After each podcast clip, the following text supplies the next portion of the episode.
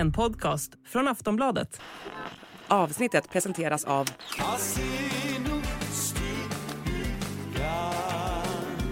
Stödlinjen.se, åldersgräns 18 år. Hej och välkomna till Kungligt. Jag heter Sara Eriksson. Och jag heter Jenny Alexandersson och kära lyssnare, idag när ni lyssnar så är det bara ett par dygn innan Sara fyller 30!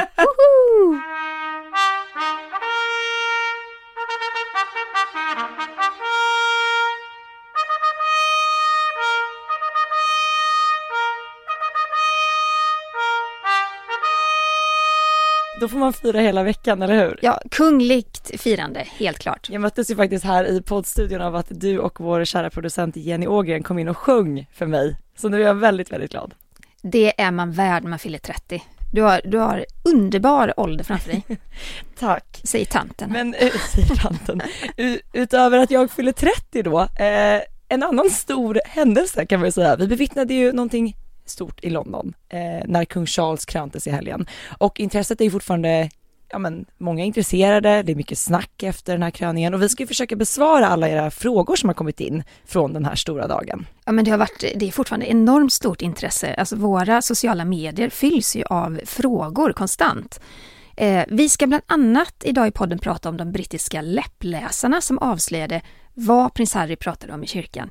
Det är ju så typiskt brittiskt Ja, att de tar med. in sådana. Vi pratade om det innan att det kommer anlitas läppläsare inför den här kröningen. Ja. Eh, Vi ska ju också berätta vem den här undliga damen är som höll i det här i ett svärd under två timmar och aldrig lämnade kung Charles sida. Vi har fått väldigt många frågor om henne. Mm. Och så pratar vi om varför kungen och kronprinsessan Victoria stod upp när alla andra satt ner.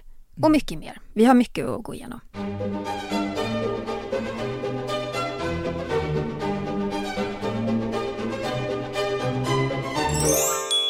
Vi ska ändå börja i det svenska kungahuset för idag så nåddes vi av beskedet att prinsessa Madeleine ställer in sin resa till Sverige. Ikväll onsdag så skulle prinsessa Madeleine tillsammans med kungen och drottningen ha närvarat vid eh, citat, en speciell Childhood-kväll på Gröna Lund. Det är så de har mm, benämnt den här händelsen. Och det här är ju den där festen som vi pratade om för några avsnitt sedan. Det är en kväll som prinsessa Madeleine tillsammans med vännerna Louise Tott, Lovisa Deer och Katarina von Horn har anordnat då i drottning Silvias ära kan man säga.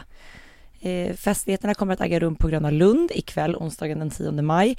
Och eh, en, enligt den här inbjudan som har gått ut så blir det lite startskottet för drottning Silvias 80-årsfirande.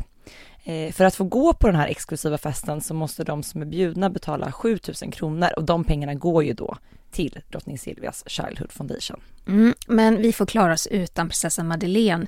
Hon har ställt in av den anledningen att prinsessan Leonor har brutit armen och måste opereras. Och det betyder ju såklart att Madeleine stannar kvar i Florida. Och det här meddelar då eh, Childhood på sin hemsida. Och enligt den kungliga kalendern så ser det ut som om kronprinsessan Victoria nu hoppar in istället för prinsessan Madeleine. Så det kommer ändå vara eh, en rad kungligheter på första bänk här. Ja, och hon får ju sällskap då av kungen och drottningen. Så att eh, festligheterna blir av, men de får klara sig utan prinsessan Madeleine helt enkelt. Mm. Lugnet efter stormen, Sara. Ja, det kan man väl minst sagt säga. Det pratas fortfarande om kröningen så otroligt mycket. Eh, vi landade ju hemma i Sverige igen i söndag, sent i söndags kväll. Och eh, ja, men fulla av intryck av den här historiska, pampiga händelsen. Vad, är det något speciellt du bär med dig? Nej, men jag kände bara just när man kom tillbaka hit, det är så mycket, eller man har, det är så många intryck, man har mött så många människor, man har sett så mycket. Så jag tycker faktiskt att det har varit lite svårt att så här, samla ihop sina tankar och känslor kring det hela och lite som vi pratade om innan vi började spela in nu, att man har nästan känt så här, i vilken ände ska jag börja med allting jag vill så här, skriva om till exempel på sociala medier och så här, för det finns ju så många olika delar. Ja, Eh, men det jag faktiskt bär med mig allra mest, det är ju hur, hur det brittiska folket samlas upp kring den här typen av kungliga evenemang. Eh, det finns ju uppenbarligen inget väder som stoppar dem. nej, vi var ju blöta som katter. Vi, vi jobbade ju hela lördagen där från tidig morgon till, till sen, sen kväll. Eh, jag var ganska blöt kan jag säga. Det var vi. Men det störde inte så himla mycket ändå. Man är ju van vid att det regnar i, i London. Och jag håller med dig, det är ju britternas sköna, sköna stämning Ja. som man eh, bär med sig just i jobbsituationen. Sen tycker jag ju också att man är med om en stor historisk händelse. som för alltid kommer stå i historieböckerna, mm. det är ju speciellt, det får man ju säga. Ja men verkligen och ja men jag tyckte det var det var så häftigt att se det, alltså 70 år senare och just det som jag tänkt på så många gånger är det vi pratade om i förra avsnittet att så här, när drottning Elizabeth kröntes 1953 då var det en stor grej att man kunde se det på tv, att liksom folket fick vara med och bevittna det här. Och idag så stod man, eller det här året så står man på, på Londons gator och ser hur alla tar bilder med iPhone, man står och mm. streamar det live. Alltså det har, den utvecklingen och allt som har hänt, jag tyckte också man blev påmind då om att så här, tänk hur mycket som hände under drottning Elizabeths tid som drottning. Ja, ja men verkligen. Men om man kommer, vi landar lite här i nutiden då mm. och hur de brittiska tabloiderna jobbar gång på gång så tar de in de här läppläsarna. Det är ju människor som är specialiserade på att utan ljud se på rörliga bilder och då utläsa vad de här personerna säger till varandra. Och då var man ju såklart otroligt intresserad av prins Harry. Vad säger han till sina bänkkamrater i kyrkan? Han satt ju på tredje raden.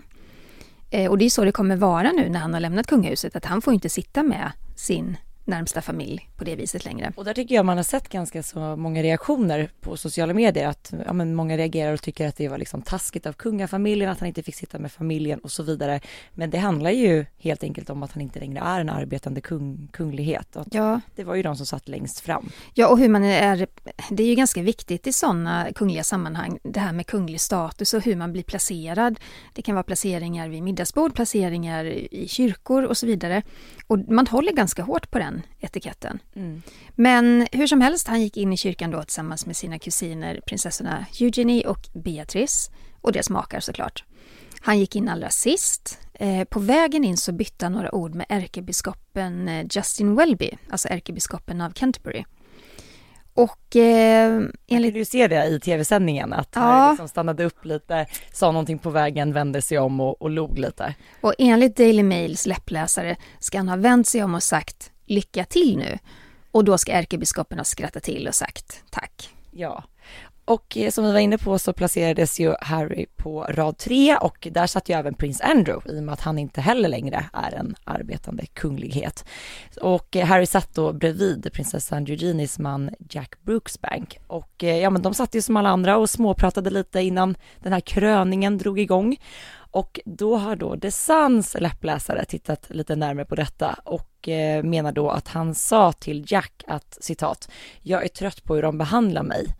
Slutcitat. Men det som också tidningen skriver är att det är oklart om det här handlar om familjen, situationen där och då eller någonting annat. Mm, det kommer vi nog aldrig få veta. Nej.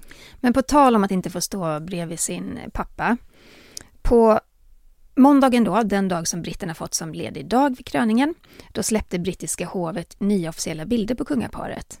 De var jättefina. Det var vackra pampiga bilder där kung Charles och drottning Camilla då står iklädda sina mantlar och kronor. Men de släppte ju också en familjebild och då står kungaparet i mitten och vid sin ena sida har de prinsparet William och Kate, på den andra sidan eh, prinsessan Anne och hennes man Timothy Lawrence. Och bredvid Kate så står prins Edward och grevinnan Sophie tillsammans med prinsessan Alexandra. Det är ju en kusin till drottning Elizabeth. Så det blir syssling då till kungen. Mm. Och längst till höger står hertigen av Kent, hertiginnan av Gloucester och hertigen av Gloucester. Det är alltså en samling, alltså det är den officiella bilden av de arbetande kungligheterna. Det är ju ett smart sätt, tänker jag, att undvika rapportering och kommentarer kring vissa familjemedlemmar. Harry har ju valt att lämna kungahuset. Prins Andrew han har ju straffat ut sig själv på grund av de här våldtäktsanklagelserna. Mm. Men Sara, jag tycker ändå det skär lite det skär i hjärtat att se en pappa utan en av sina söner vid sin sida. Det är ju ändå en så stor, viktig dag. Ja, jag reagerade också på det att det, var, det är verkligen tydligt att här är de arbetande kungligheterna, de som jobbar för det kungliga huset. Men man, även om läget är som det är så det är klart att det känns konstigt att den, den nykrönta kungens ena son inte är med vid ett familje fotografitillfälle. Mm. Eh, man reagerar ju på det och det har ju många andra gjort också. Sen är det många som skriver att så här, Harry var ju inte ens kvar i Storbritannien när de här bilderna togs, utan han valde att flyga tillbaka till USA eh, direkt efter kröningen. Eh, Och det betyder att då finns det inga privata bilder från det tillfället heller med Harry och hans pappa? Nej, och å andra sidan hade man till exempel då valt att, eh, ja men låt säga att prins Andrew hade varit med på bilden. Du kan ju bara tänka dig hur, hur skriverierna hade varit kring det i och med att han faktiskt inte längre arbetar för kungahuset. Mm. Men jag håller med dig om att, och jag menar oavsett hur djup den här familjesprickan är, det är klart att det måste ju kännas för familjen att, att de saknas. Framförallt prins Harry. Verkligen. Det är ju fotografen Hugo Burnand som har tagit de officiella bilderna. Han plåtade ju Charles och Camillas bilder efter bröllopet 2005 och tog även de officiella bröllopsbilderna av William och Kate. Så han är en person som vet vad han gör. Det syntes på, de här, på kvaliteten på de här fotografierna. Jättefina tycker jag. Ja, och eh, han skrev även på sitt, alltså fotografen skrev på sitt Instagramkonto att eh, det var en stor ära att bli tillfrågad att ta de här officiella kröningsbilderna. Och eh, de här bilderna togs ju i tronrummet på Buckingham Palace. Och det är inte första gången vi ser den här typen av fotograferingar i det här rummet, utan det är en tradition som sträcker sig långt tillbaka. Och tittar man på till exempel William och Kates officiella bröllopsbilder, då är det samma bakgrund. Så att det är ofta här man väljer att ta den här typen av foton. Men Sara, eh, du, men jag också, men framförallt du har ju fått många frågor om de här gula detaljerna som kvinnorna bar då på sina klänningar på den här bilden. Kan inte du berätta om dem? Ja, men många frågor har trillat in. Det ser ju ut lite på håll som att det är en gul rosettliknande eh, detalj som sitter på kvinnornas då vänstra sida. Och eh, då var det många som undrar vad det är för någonting. Och i Sverige så kallar vi det för agraff eller man kan även kalla det för miniatyrporträtt. Och eh, det är helt enkelt, i Storbritannien är ju här, det här den officiella familjeorden och den består av ja, men en, en gul botten, lite som en rosett och sen så är det då ett porträtt av en ung drottning Elizabeth som alla bär då. Vad fint. Kommer man ändra den bilden till en kung sen tror du? Ja, det kommer man. Eh, så att, men det är fint och på så sätt fick ju drottning Elizabeth även vara med här. Eh, och sen såg vi faktiskt också att eh, Kate bar ju ett halsband som har eh, burits väldigt mycket av drottningen så att hon hyllade henne lite i, i dubbel bemärkelse där. Hade hon någonting från Diana? Ja, örhängena som hon bar vid kröningen är efter Diana. Så det ses också som en Fint. väldigt fin hyllning till henne. Alltså jag, jag liksom kan inte sluta titta på Kates look från kröningen. Jag tycker den är helt smashing. på Hon är magisk. Sätt. Ja. Varenda detalj är så rätt för tillfället. Den här håraccessoaren som hon bär och som hon matchade med sin dotter prinsessan Charlotte, klänningen från Alexander McQueen, Manteln? manteln, Ja. alltså det var bara så här, den var så rätt. Smashing. Ja. Men tillbaka till läppläsarna, för de har ju också då tittat på Charles och Camilla. När kungaparet kom fram till Westminster Abbey efter processionen från Buckingham Palace, då anlände de ju några minuter för tidigt. Och man kunde se hur Charles då pratade med Camilla och enligt läppläsarna ska han ha sagt We can never be on time. Yes, I'm, this is a negative. There's always something. Han var ganska irriterad. Och han ser också väldigt irriterad ut på de här klippen ska sägas. Så att eh, det är nog mycket möjligt att han faktiskt sa det här som läppläsaren tror att han säger. Och eh, som sagt, de var lite för tidiga i, i schemat helt enkelt. Så att, eh, ja men hellre att man kanske kommer för tidigt än för sent. Men vi måste prata där, vi, vi hoppar till det där att de är sena, för att det var ju även William och Kate. Eh, enligt programmet så skulle de anlända före kungaparet, men de kom sent och de fick därför promenera efter kungen in i kyrkan.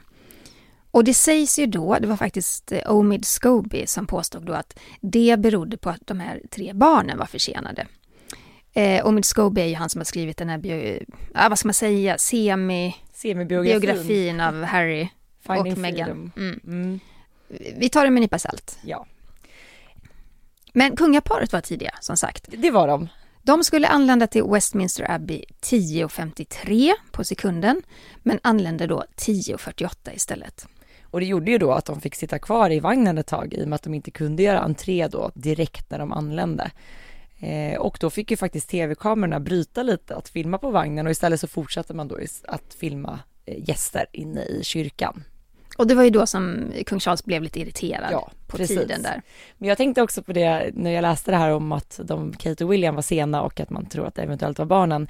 Kanske berodde det också på att eh, det här allt sociala mediearbete har ni sett den här fina filmen på när Kate och William med familj går ut och så hoppar in i bilen för att Ja. bege sig till kröningen? Ja, Det skulle filmas, det skulle fixas. Det var bara en tanke att det Kan kanske var ju. lite rådande kring det. kan ju vara så faktiskt. Ehm, Och apropå, jag tycker brittiska kungahuset, apropå sociala medier, de verkar ju ha anställt en riktig stjärna som gör så snyggt innehåll. Mm.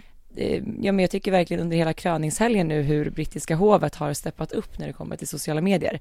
Vi har fått så många fina uppdateringar, det har varit videoklipp. Mm. Eh, där tycker jag verkligen att så här, de nordiska kungahusen behöver haka på. För jag tycker att där har brittiska kungahuset verkligen tagit ett nytt kliv. Ja, det ser proffsigt ut. Ja.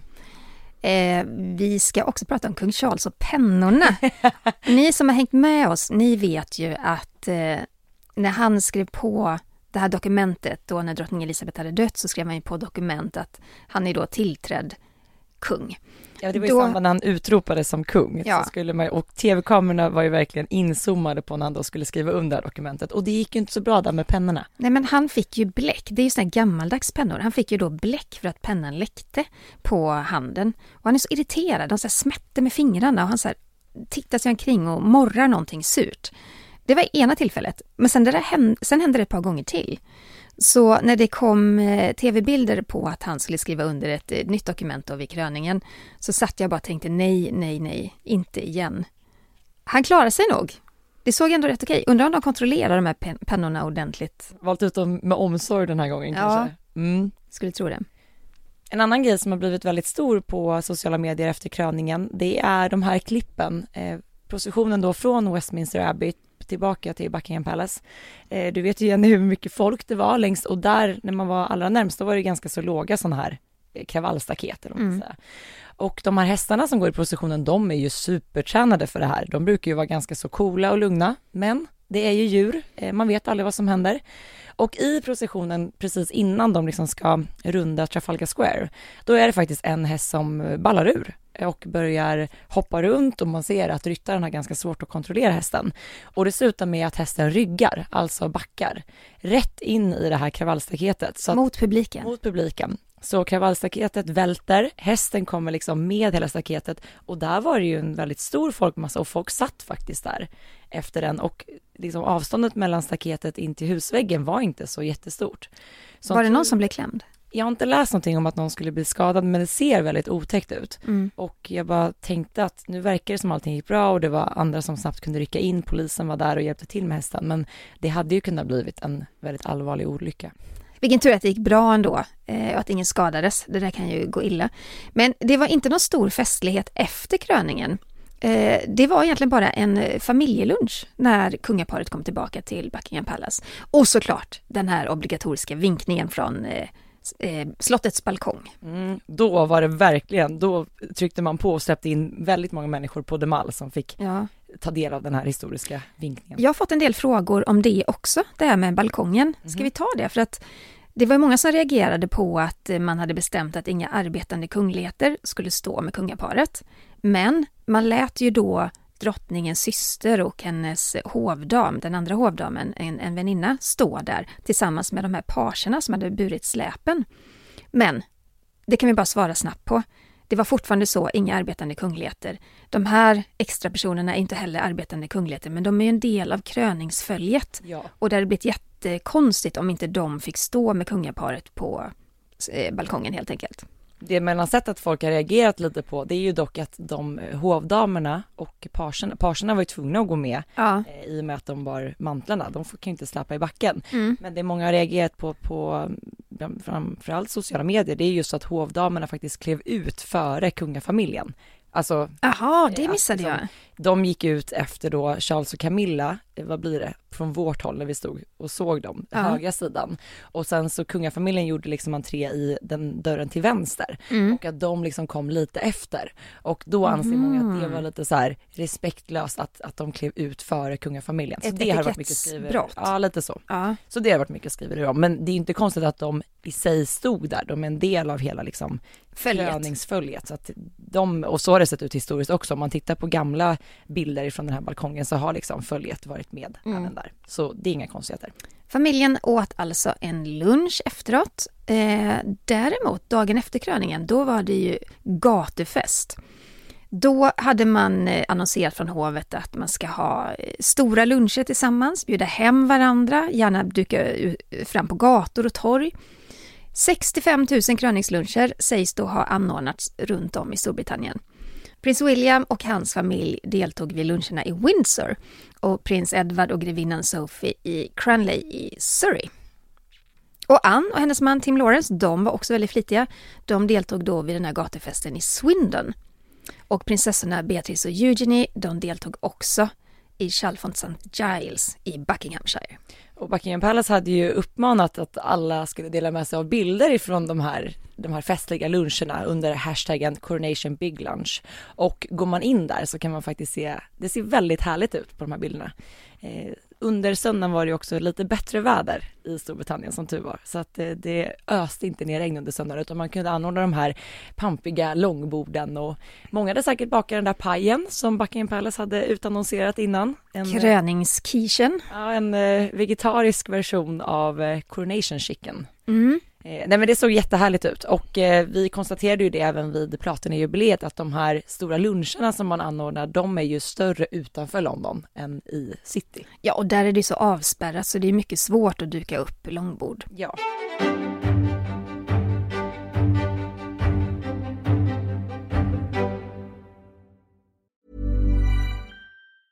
Tired of ads barging into your favorite news podcasts?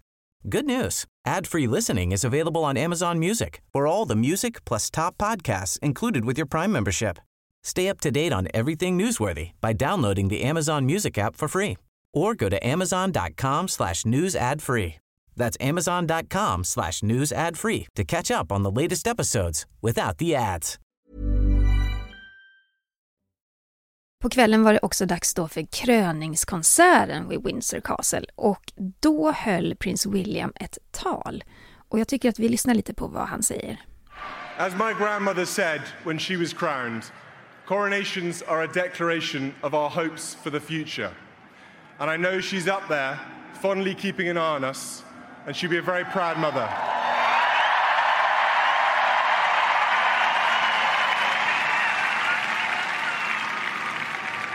For all that celebrations are magnificent, at the heart of the pageantry is a simple message service. My father's first words on entering Westminster Abbey yesterday were a pledge of service. It was a pledge to continue to serve, because for over 50 years, in every corner of the UK, across the Commonwealth, and around the world, he has dedicated himself to serve others both current and future generations, and those whose memory must not be neglected. Take the natural world. He warned us of the risks to our planet's health long before it was an everyday issue. And I also want to express my pride and gratitude for the millions of people who serve in the forces, in classrooms, hospital wards, and local communities. I wish I could mention you all. Your service inspires us, and tonight we celebrate you too. I commit myself to serve you all King, country, and Commonwealth. God save the King.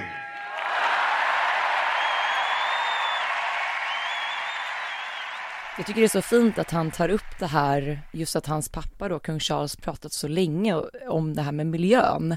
Att eh, han har ju alltid varit väldigt intresserad av det. Han har ju alltid varit intresserad av odling. Han, hans eh, organisation har ju stöttat den här typen av projekt, att man ska kunna ja, men, odla hållbart, ekologiskt. Så att han var ju lite före sin tid där innan man faktiskt började prata om det som man gör idag.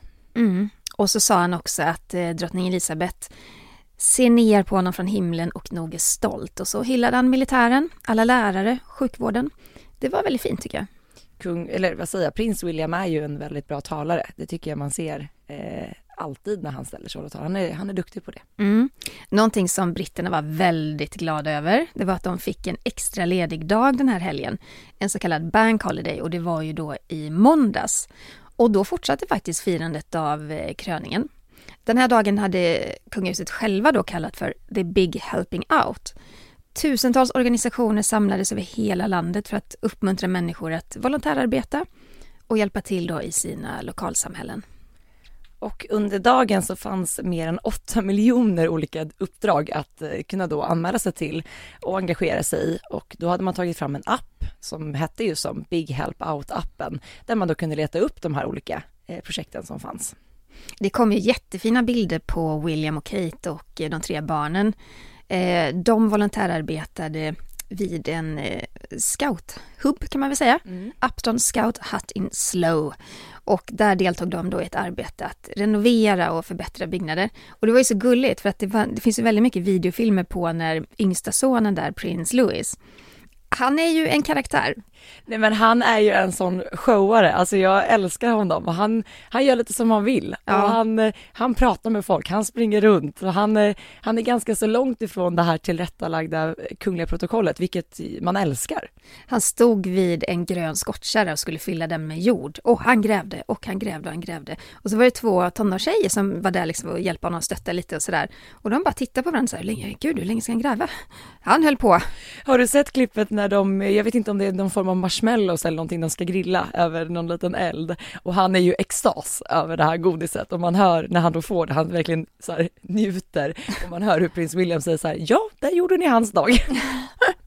Underbart. Mm. Men det ju, de hjälpte till vid den här scouthubben och de, eh, ja men bland annat renoverade de här, en av scoutkojorna om man kan säga så, jag tror det. Eh, de återställde en stig, de grävde någon ny bädd, det var väl där lillprinsen var så engagerad kan jag mm. tänka mig. Och de var även med och lackerade någon ytterdörr så att det var full rulle där. Ja, och prins Edward och Sophie de besökte guide dogs för att träffa valpar som tränas till att bli ledarhundar.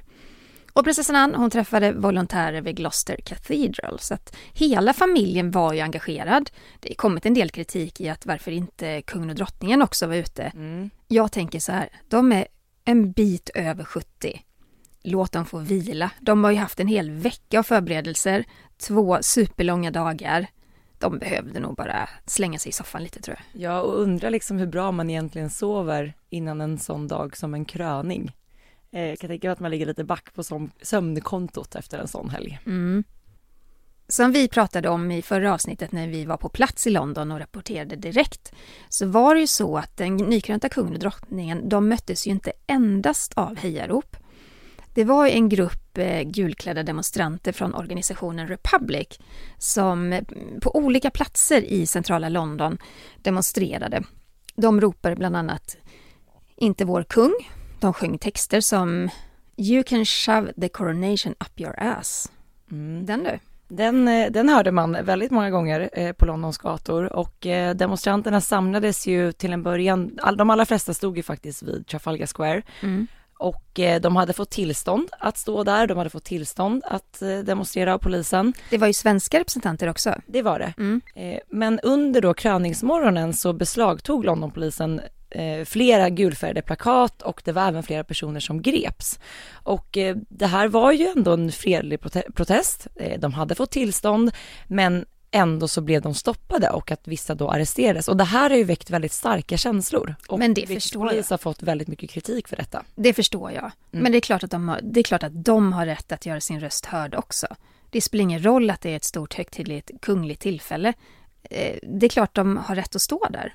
Och de har rätt att säga, säga vad de vill, det de vill säga. Ja, bland de gripna är ledaren för Republics och han heter Graham Smith. Och han ska gripits då när han lyfte ut sina plakat från en bil innan demonstrationen. Och fyra av de gripna är misstänkta för att planerat ett brott, som ja, men typ förargelseväckande beteende och ytterligare tre personer har frihetsberövats då misstänkta för innehav av föremål som ska användas till skadegörelse, skriver Dagens Nyheter. Ja, och det här tyckte jag, jag tänkte så här, vad var det då de hade med sig? Så att jag läste vidare om detta på flera brittiska sajter och det är då brittisk polis hävdar är, de hade ju sådana vad säger man, megafoner, heter det så, mm. eh, med sig. Och då menade, eller brittisk polis hävdar att de här megafonerna då kunde ha skrämt hästarna och att man menar att det så kunde ha lett till förstö eller skadegörelse om man då hade stört processionen. Så det är liksom på de grunderna som de har blivit gripna. Är inte det att dra en väldigt lång växel? Jo, men det är också därför som Londonpolisen nu får extremt mycket kritik i och med att protesterna var fredliga, de hade tillstånd, men ändå har de blivit gripna och man har beslagtagit både plakat och då sådana här megafoner. Men jag stod eh, vid den här stora gruppen som var vid Trafalgar Square och bara försökte ja, men kolla lite, försöka prata med någon. Eh, för det ingår ju liksom i bevakningen i våra jobb också. Men eh, det var ju extremt fredligt. Det var ju inte... Alltså jag, jag kan inte på något sätt tro att någon skulle tycka att det där var något försök till skadegörelse eller, eller på något sätt. Nej. Så ja, men polisen får ju kritik med rätta då, tänker jag. Ja men verkligen och ja, men man menar att det inte finns tillräckliga skäl till att de skulle gripas och jag tror Mm. liksom inte det här är det sista vi hör gällande det här för det har mötts av massiv kritik och det är ju liksom att ja men yttrandefrihet, även de som inte tycker att kröningen är någonting bra måste ju få ha sin plats på Londons Ja, gator. självklart. Så att eh, det här eh, var inte ett bra drag ifrån brittisk polis. Nej. Ett annat drag som kanske var lite Hmm. det är ju faktiskt det som Sarah Tindall gjorde i kyrkan. Flera av er som har tittat på tv-sändningen noterade att prinsessan Annes dotter, Sarah Tindall, nickade till i kyrkan. Och det finns ett klipp som snurrar runt på TikTok där man ser att Sarah, hon kan ju inte hålla ögonen öppna. Hon försöker och försöker och till slut så nickar hon till en kort sekund. Och det kanske inte är så konstigt. För Sarah och hennes ma- eh, man, Mike Tindall, de festade nämligen halva natten kvällen före gröning, eh, kröningen. De hade ju en middag tillsammans med, ja, med sin mamma och hennes man eh, Timothy Lawrence. Med var också prins Edward och prins Andrew med sina familjer och sina barn. Och de var då på den privata medlemsklubben Oswalds i Mayfair. Ja men där hade de helt enkelt en trevlig middag på den här medlemsklubben och efter det så fortsatte Sara och Mike att festa på den här närliggande Arts Club. Och man kunde se dem läm- lämna klubben runt, det var klockan två på natten ungefär, så det var en ganska så sen kväll. Och det stod ju en del fotografer och väntade på kändisar och kungligheter utan, utanför den här byggnaden såklart. Man visste ju att de var där och festade loss innan kröningen. Starkt jobbat säger jag. Eh, Sarah och Mike, de är väl tre, är de tre eller fyra barnsföräldrar? Kan vara tre. Ja, whatever. De har många barn i alla fall. Och eh, själv, har, själv har man ett barn, orkar inte så mycket. Men ja, starkt. De höll igång, så det kanske inte var så konstigt att hon nickade till inne under kröningen. Nej. Det var ändå ganska lång även om man hade kortat den något.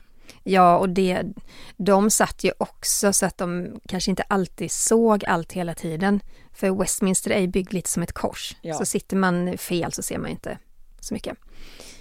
Men vi ska också faktiskt nämna, eh, vi går till Norge och nämner att kung Harald är inlagd på Rikshospitalet i Oslo. Han behandlas för en infektion och det uppgav det norska kungahuset i ett pressmeddelande.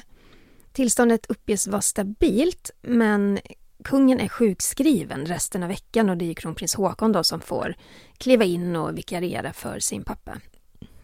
Ja, och förra året så lades ju den norska regenten in vid Rikshospitalet efter att ha fått feber och även den gången så konstaterades det att kung Harald drabbats av en infektion och behandlades då med, eh, ja men det var en sån intravenös med antibiotika. Och han skrevs senare ut från sjukhuset och uppgavs då vara i god form.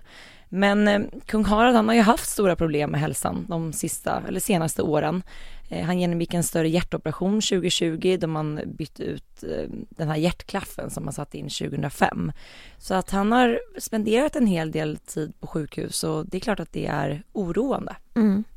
Vi hoppas på god bättring. Ja, Det har rasat in lyssnarfrågor. Vi blir så glada. Fortsätt skriva. Eh, mejla till kungligt aftonbladet.se. ja, gör gärna det. Vi har fått en fråga här som handlar om sand på gatorna. Det är, ni var många som observerade att eh, de, det finns bruna streck och, och fläckar på gatorna längs med eh, kortegevägen. Eh, Eh, det här bruna på gatorna det var sand eller typ av täckmassa som lagts ut då för att säkerställa att kungaparets resa skulle gå så smidigt som möjligt. Så då fyllde man i de här hålen i gatorna eh, så att vagnar och hästar kunde liksom förflytta sig utan att det var för guppigt och gropigt. Man tänkte inte på de här bruna strecken eller sanden eller vad man ska kalla det när man var på plats i London. Men man ser det ganska så tydligt just när man har filmat ovanifrån. Det ser lite märkligt ut faktiskt. Ja. Sen är de, ju- de är snabba med att städa upp det också. När vi var där på eh, tronjubileet eh, förra sommaren, då var det ju liksom direkt tidig morgon, så de här stora maskinerna kom ut och bara vzz, Ja, sög, ut, eh, sög upp de här. Snabba på att städa upp efter kalaset. Mm. är de. Mm. Vi har fått en fråga ifrån Mikaela och det är många fler som faktiskt har skrivit samma fråga. Eh, hon skriver så här. Vem var kvinnan som höll svärdet under kröningsceremonin? Den kvinnan är jag så imponerad av. Att hon kunde stå upp i sina klackar och hålla det svärdet rakt upp och ner i två timmar. Fantastiskt. Hon heter i alla fall Penny Mordaunt och hon är Lord President of the Council. Och hon har ett mycket högt ämbete över, eller vid Privy Council. Man kan säga att det är ett ämbete som hjälper egentligen med rådgivning på olika sätt.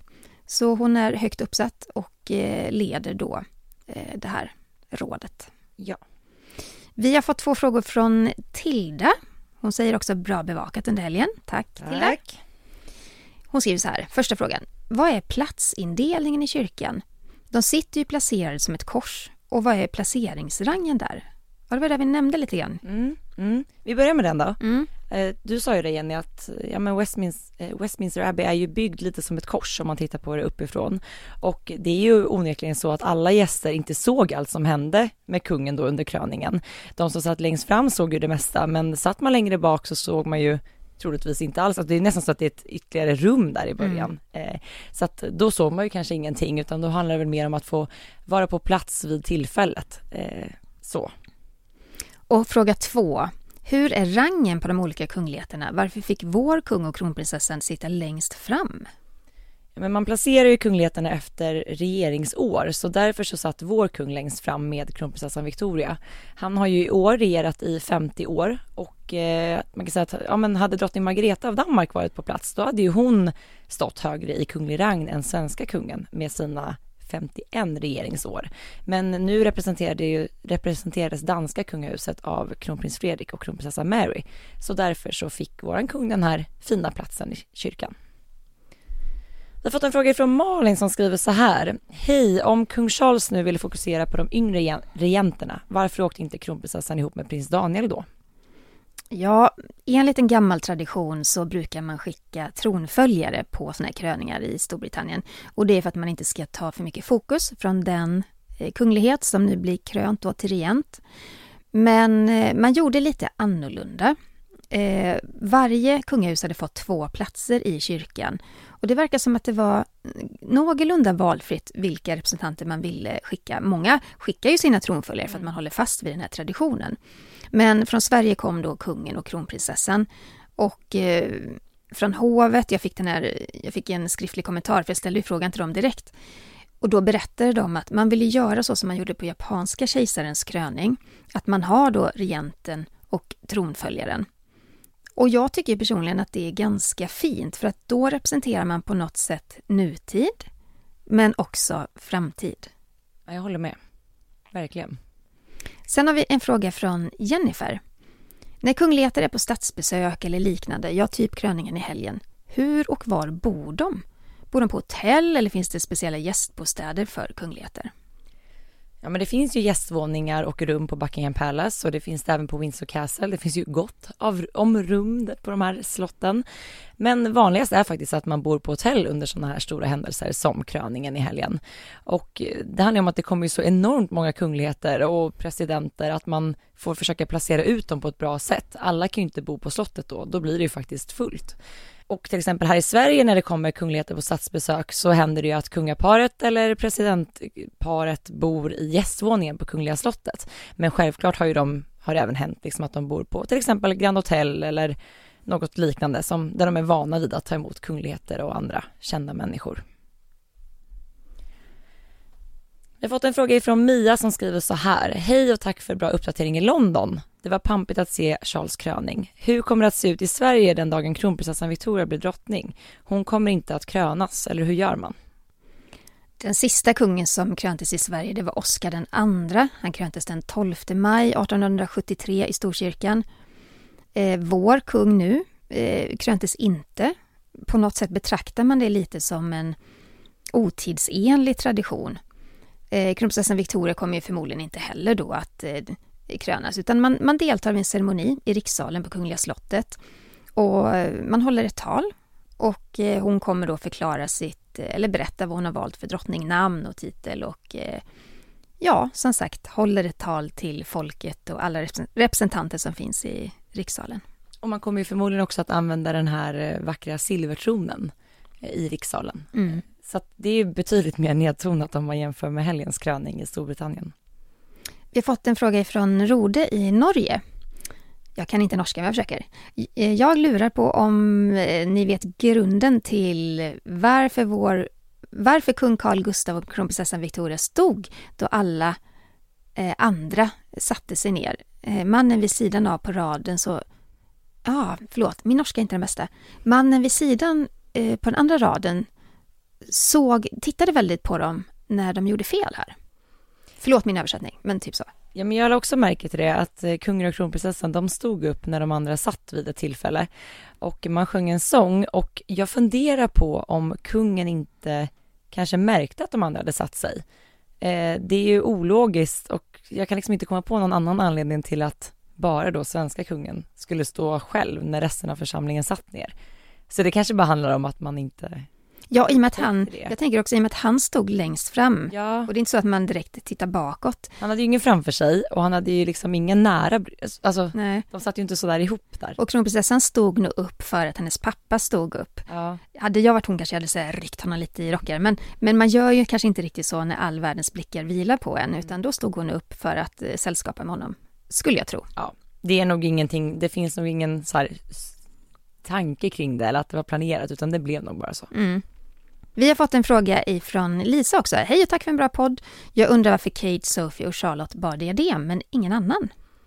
Ja, den här frågan cirkulerar ju och där får man ändå säga att det var, det ser ut att vara diadem, men det är faktiskt inga diadem, utan man titulerar dem nog snarare som håraccessoarer. Och de här togs ju fram specifikt inför kröningen. De här eh, blommorna ska ju symbolisera Charles och Camillas kärlek till naturen och ehm, Kate och Charlottes diadem skapades av hattmakaren Jess Colet i nära samarbete med Alexander McQueen. Och det var då eh, blad i silvertråd och kristaller dekorerade med silverbroderi. Så att det var liksom inga, inga diadem, inga så liksom stenar och diamanter på det sättet, utan det är ett mer i tyg kan man säga. Men det ser nästan ut att vara eh, som ett diadem. Det var så otroligt vackert och som eh, Lisa är inne på här så bar ju också Sophie ett hårsmycke. Det skapades av sidan, eh, lite liknande blad eh, likt eh, Charlotte där, men och eh, Kate. Men, och varje, mellan varje blad satte sådana här Swarovski-kristaller. Och det är Jane Taylor som skapat det här vackra hårsmycket.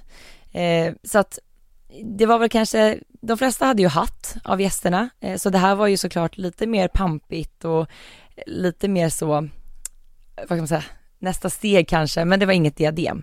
Eh, men det är många som har missförstått det här. Jag har också sett att ganska många blev irriterade över de här håraccessoarerna. Varför? Ja, men just att man hade argumenten att man hade en ganska så nedtonad klädkod för att man inte ville liksom att det skulle vara för, vad ska man säga, upphåsat eller se för pampigt ut kanske med de här mm. extremt stora diademen. Men det är många som menar då att så här, vi har ett kungahus som har en enorm skattkista. Varför har vi inte bara använt, kunde inte då Kate, Charlotte och Sophie ha burit bara något mindre diadem? Varför har man tagit fram ett helt nytt som då inte är ett diadem, bara för att det inte ska vara några diadem? Ja, jag förstår. Så det har ändå skapat lite diskussion. Eh, ja. Jag själv tyckte de var jätte, jättefina. Ja, verkligen. Men jag tror att det har att göra med att eh, kung Charles ville hålla nere både kostnader och känslan kring mm. dyrbarhet. Det har inte undgått någon att den här kröningen kostar 3,2 miljarder kronor i skattepengar. Så jag tror att han på alla sätt och vis vill, vill försöka ge bilden av att det här är mer en folklig fest, det ska vara tillfälle för alla, vi ska inte dra på eh, med massa diadem och juveler och sånt där. Okej, ja. Vi har fått en fråga ifrån Thomas som skriver så här. Jag undrar vad för kläder som prins William och prinsessan Kate och några till hade på sig under ceremonin i lördags. De var så fina och pampiga och hade vår kung strumpansorden på sig eller var det Serafimerorden? Ja, men det här med kläder har ju engagerat många. William och Kate, de bar liksom flera andra i kungafamiljen den finaste orden de innehar. Och för Kates del så är det The Royal Victorian Order och då bar hon den speciella mantel eller kåpa som hör till orden över sin klänning då under kröningen. Och det var den som var blå, vit och röd. Och under den här kåpan så bar hon en klänning av silkeskräpp med blomsterbroderier skapad av Alexander McQueen och det var ju också han som skapade hennes bröllopsklänning. Mm. Sen har det blivit en enorm diskussion om Kates klänning. Det är nämligen så att på de officiella bilderna så ser det ut som att Hon har en helt annan klänning på sig. Mm, vi har ju också diskuterat det här. Jag tror dock att det är samma. Att det är, alltså, det är någonting med den här eh, liksom manteln hon har över som gör att det ser ut som att hon har en krage. En Ja. klänning med krage under kröningen. För på de officiella bilderna så är ju faktiskt klänningen V-ringad. Mm. Och det är det här som har skapat lite förvirring. Men jag har så svårt att se att hon skulle ha liksom två Alexander McQueen-klänningar. Som nästan är identiska. Ja, det känns onödigt. Ja. Så det, det, den får jag inte ihop. Och när det gäller då frågan om vår kung och ordnar så kan jag berätta att kungen bar Strumpebandsordens kedja över bröstet och den kungliga Victoria-kedjan runt halsen.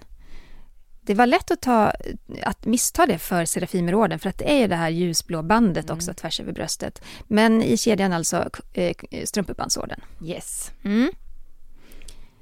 Då ska vi se, då har vi en fråga ifrån Kajsa som skriver så här. Drottning Camilla är den första drottningemålen att krönas sedan drottningmorden. För visst blev inte prins Philip krönt? Och varför är det i så fall så att man gör skillnad på manliga och kvinnliga partners till regenten? Nej, eh, Kajsa har ju rätt här. Eh, och det beror ju på att prins Philip aldrig var kung. Den titeln kan man ju bara få om man är född till det. Att man är en tronarvinge.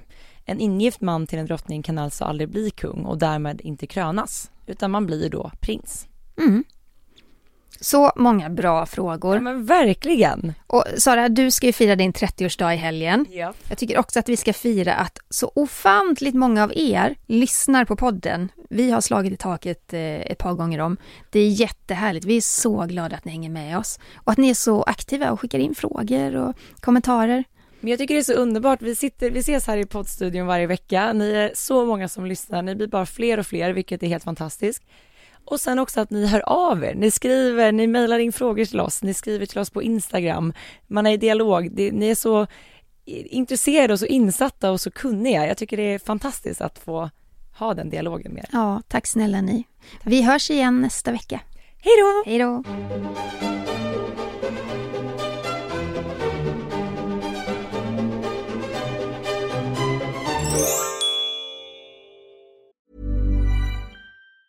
Meet 2024's most anticipated robot vacuum, Eufy X10 Pro Omni. With powerful 8000 PA suction and MopMaster's dual mop pads, it keeps your floor sparkling clean. It's the winner of five Best of CES awards, and Digital Trends says it boasts almost all the same features as robot vacuums that cost twice as much. Want to know more? Go to eufy.com, that's EUFY.com, and discover X10 Pro Omni, the best in class all in one robot vacuum for only $799. Du har lyssnat på en podcast från Aftonbladet.